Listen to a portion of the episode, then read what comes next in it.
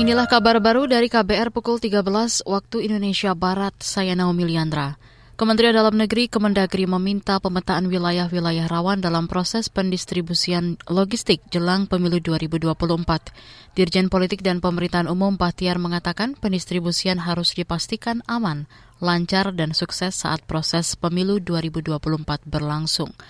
Kata dia banyak daerah pelosok yang rawan pendistribusian. Daerah-daerah mana yang secara rutin terjadi eh, masalah dalam distribusi logistik. Mungkin kawan-kawan di wilayah kepulauan mulai harus memperhitungkan bagaimana nanti membayangkan di bulan 2 tahun 2024 itu biasanya kalau bulan 2 masih musim hujan itu, musim hujan. Kemudian ombak bagaimana. Kayak hari ini misalnya ada BMKG pantauan bahwa di wilayah timur itu ombak tinggi sekali. Bagaimana menggerakkan logistik itu sampai di logistik sebelum tanggal 14 Dirjen Polpum Bahtiar menambahkan pemetaan menjadi unsur yang penting dalam indikator keberhasilan pemilu 2024.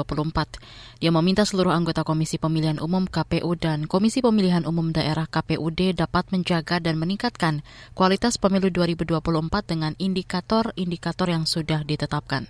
Saudara Badan Nasional Penanggulangan Bencana BNPB mulai melakukan modifikasi cuaca guna mengantisipasi bencana hidrometeorologi lebih besar, terutama di Pulau Jawa. Hal itu disampaikan Direktur Dukungan Sumber Daya Darurat BNPB, Rustian. Untuk segera melaksanakan TMC ini untuk wilayah Jawa dan Pulau Bali.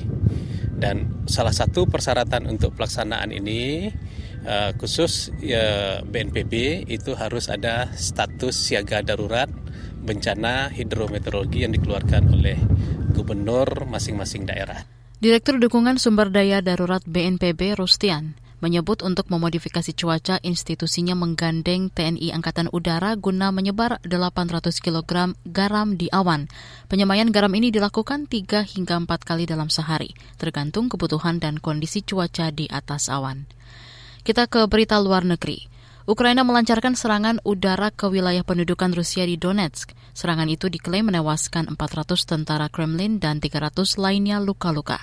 Dikutip dari CNN Indonesia, berdasarkan kesaksian sejumlah blogger militer pro-Rusia dan Ukraina, gempuran berlangsung cepat setelah tengah malam saat pergantian tahun 2023 pada minggu dini hari.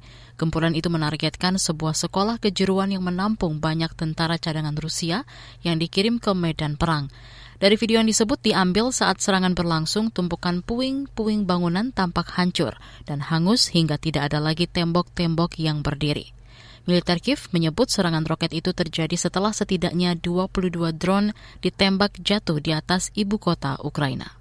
Demikian kabar baru, saya Naomi Liandra undur diri.